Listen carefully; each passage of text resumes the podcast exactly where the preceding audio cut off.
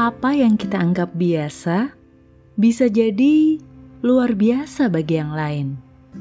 Kita tidak tahu hal apa yang akan menyentuh hidup orang lain, namun kita bisa menjadi saluran kasih bagi yang membutuhkannya, bukan karena kuat dan gagah kita, tapi kemurahan Tuhan yang membuat hal kecil menjadi berarti.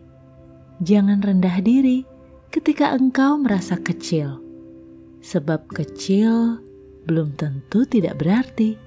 Justru banyak hal jadi berarti dan sempurna ketika ada hal kecil yang melengkapinya.